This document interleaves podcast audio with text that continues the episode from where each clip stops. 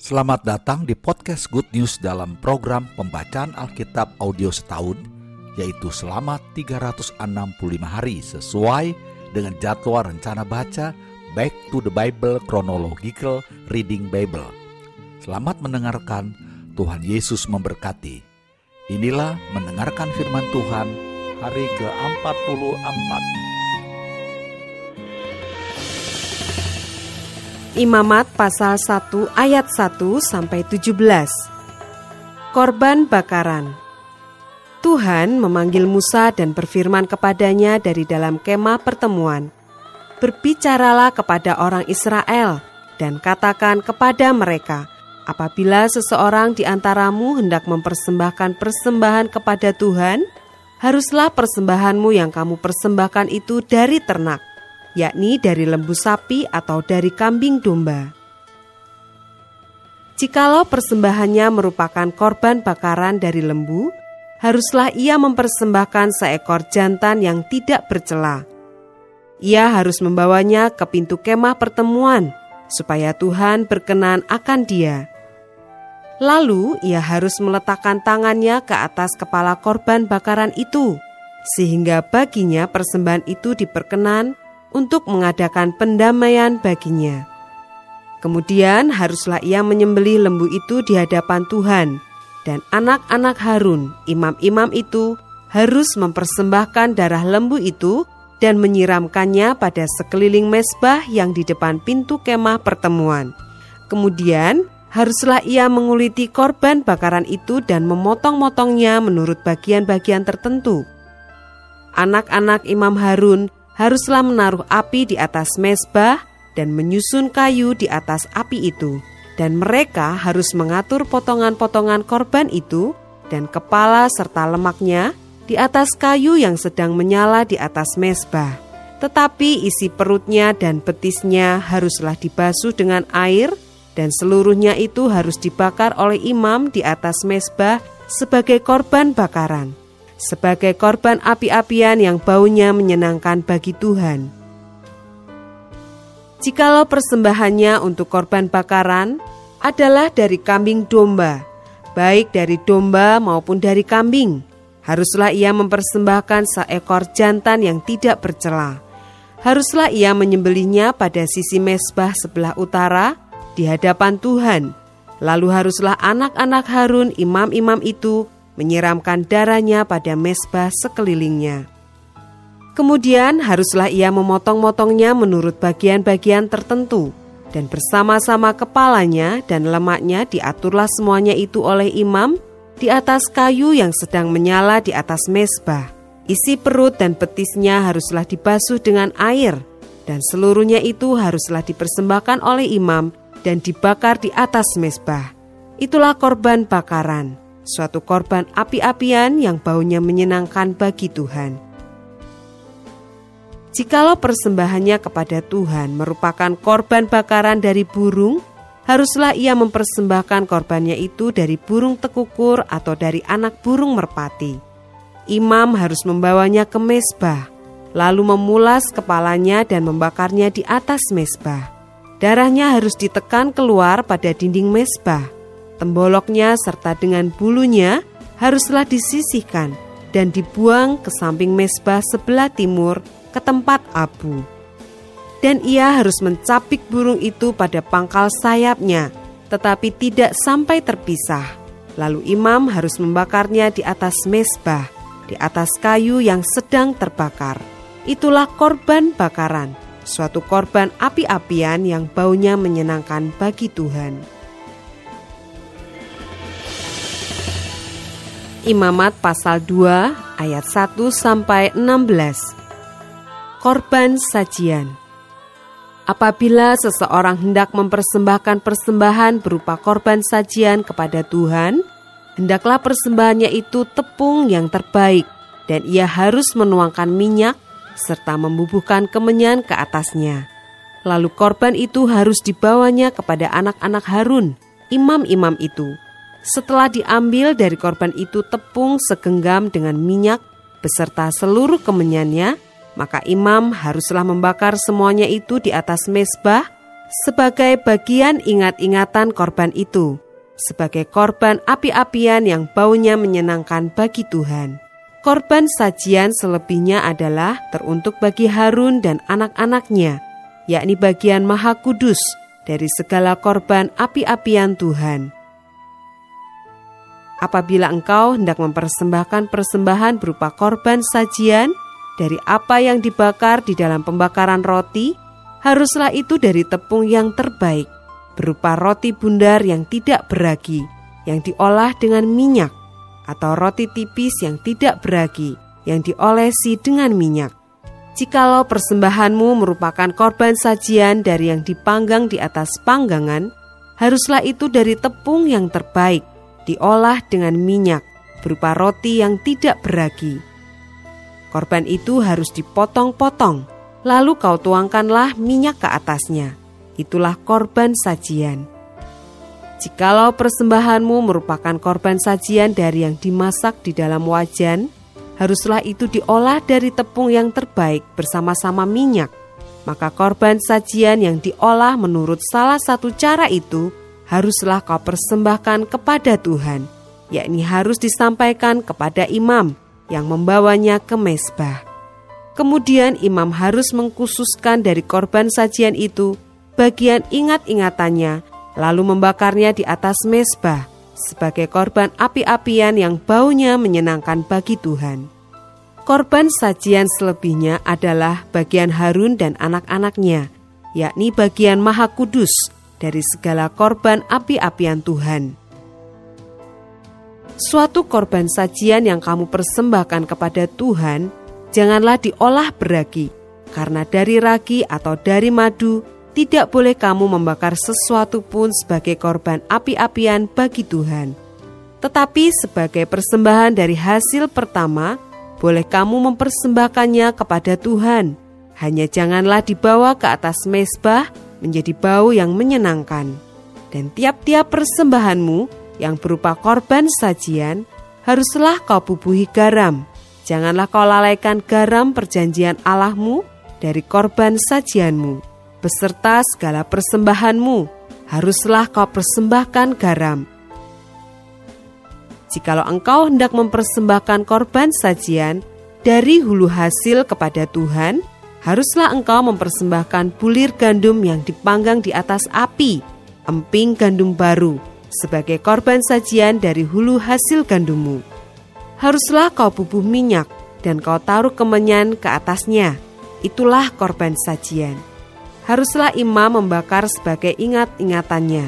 Sebagian dari emping gandumnya dan minyaknya beserta seluruh kemenyannya sebagai korban api-apian bagi Tuhan. Imamat pasal 3 ayat 1 sampai 17. Korban keselamatan.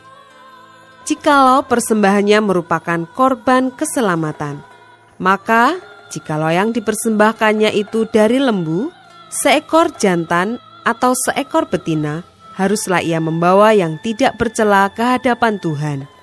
Lalu ia harus meletakkan tangannya di atas kepala persembahannya itu dan menyembelihnya di depan pintu kemah pertemuan. Lalu anak-anak Harun, imam-imam itu, haruslah menyiramkan darahnya pada mesbah sekelilingnya. Kemudian dari korban keselamatan itu, ia harus mempersembahkan lemak yang menyelubungi isi perut dan segala lemak yang melekat pada isi perut itu sebagai korban api-apian bagi Tuhan. Dan lagi kedua buah pinggang dan lemak yang melekat padanya, yang ada pada pinggang dan umbai hati yang harus dipisahkannya beserta buah pinggang itu. Anak-anak Harun harus membakarnya di atas mesbah, yakni di atas korban bakaran yang sedang dibakar di atas api, sebagai korban api-apian yang baunya menyenangkan bagi Tuhan. Jikalau persembahannya untuk korban keselamatan bagi Tuhan adalah dari kambing domba, seekor jantan atau seekor betina, haruslah ia mempersembahkan yang tidak bercela. Jikalau ia mempersembahkan seekor domba sebagai persembahannya, ia harus membawanya ke hadapan Tuhan Lalu ia harus meletakkan tangannya ke atas kepala persembahannya itu dan menyembelihnya di depan kemah pertemuan. Lalu anak-anak Harun harus menyiramkan darahnya pada mesbah sekelilingnya. Kemudian dari korban keselamatan itu, ia harus mempersembahkan lemaknya sebagai korban api-apian bagi Tuhan, yakni segenap ekornya yang berlemak yang harus dipotong dekat pada tulang belakang, dan lemak yang menyelubungi isi perut, dan segala lemak yang melekat pada isi perut itu, dan lagi kedua buah pinggang, dan lemak yang melekat padanya, yang ada pada pinggang, dan umbai hati yang harus dipisahkannya, beserta buah pinggang itu. Imam harus membakarnya di atas mesbah sebagai santapan berupa korban api-apian bagi Tuhan. Jikalau persembahannya seekor kambing, ia harus membawanya ke hadapan Tuhan. Lalu ia harus meletakkan tangannya di atas kepala kambing itu dan menyembelihnya di depan kemah pertemuan. Lalu anak-anak Harun harus menyiramkan darahnya pada mesbah sekelilingnya. Kemudian dari kambing itu ia harus mempersembahkan lemak yang menyelubungi isi perut dan segala lemak yang melekat pada isi perut itu sebagai persembahannya berupa korban api-apian bagi Tuhan.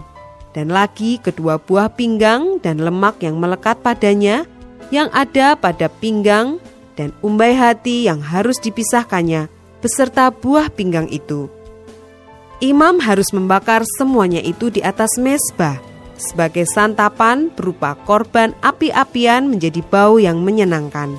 Segala lemak adalah kepunyaan Tuhan. Inilah suatu ketetapan untuk selamanya bagi kamu turun-temurun di segala tempat kediamanmu.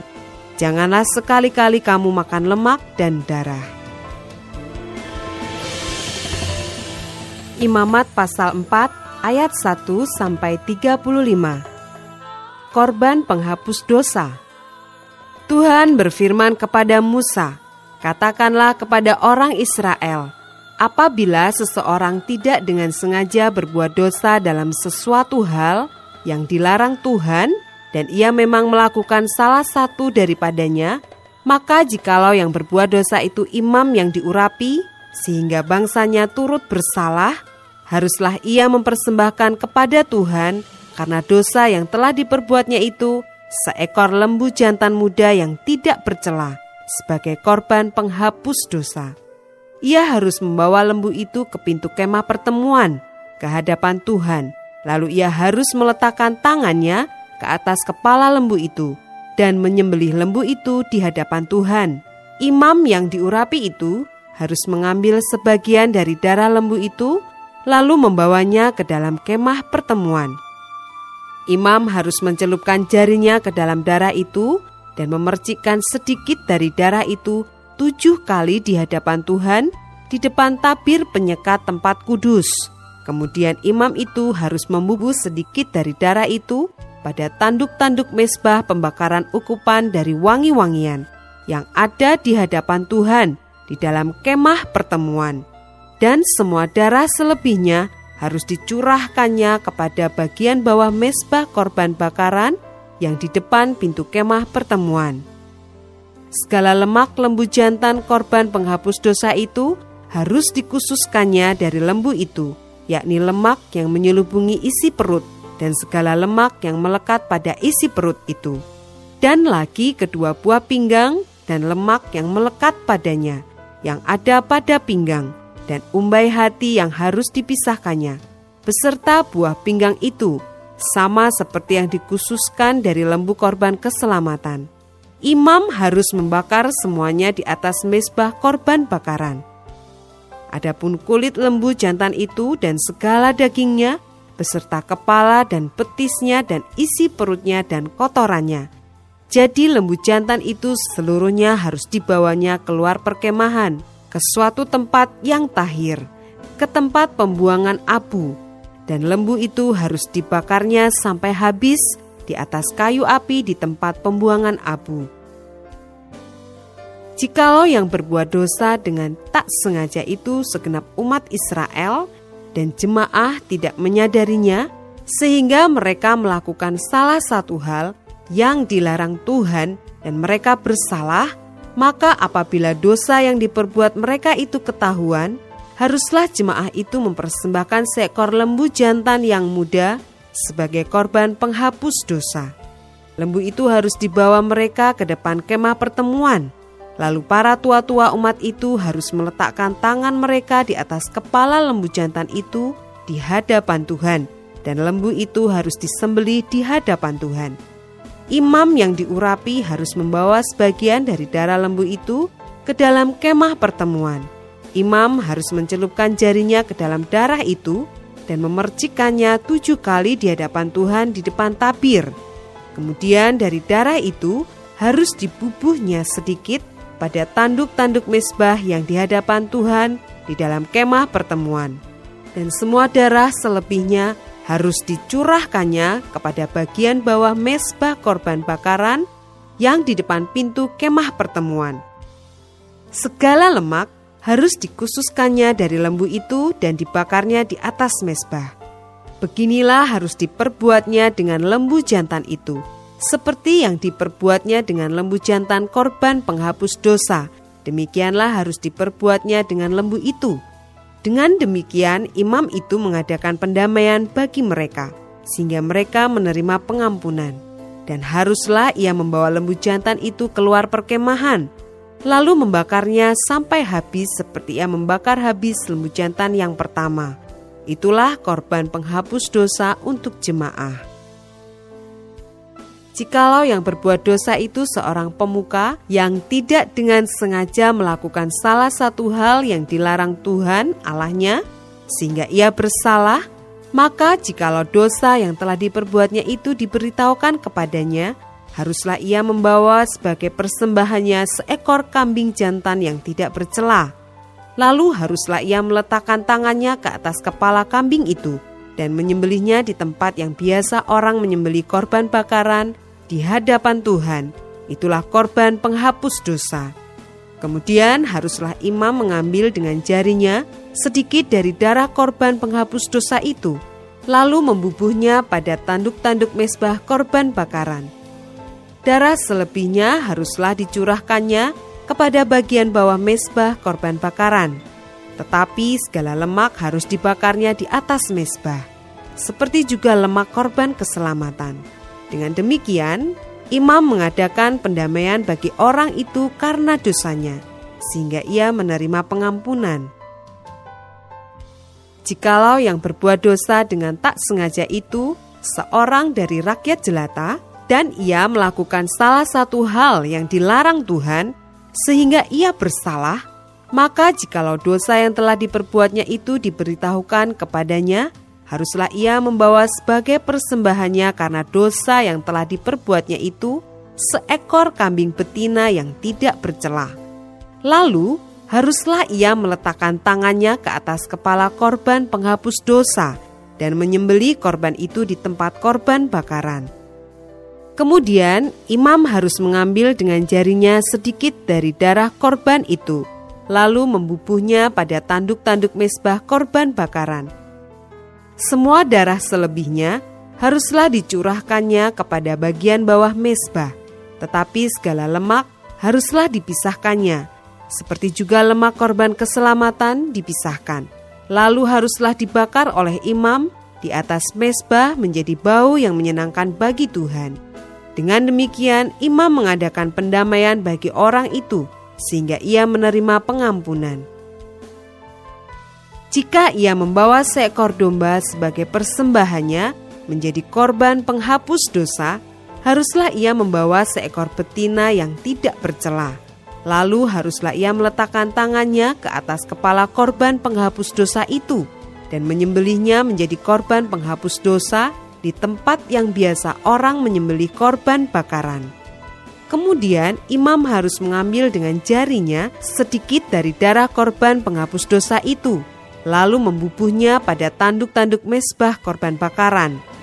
Semua darah selebihnya haruslah dicurahkannya kepada bagian bawah mesbah, tetapi segala lemak haruslah dipisahkannya, seperti juga lemak domba korban keselamatan dipisahkan. Lalu imam harus membakar semuanya itu di atas mesbah, di atas segala korban api-apian Tuhan. Dengan demikian, imam mengadakan pendamaian bagi orang itu karena dosa yang telah diperbuatnya, sehingga ia menerima pengampunan. Selamat saudara sudah mendengarkan firman Tuhan hari ini. Sampai jumpa esok hari.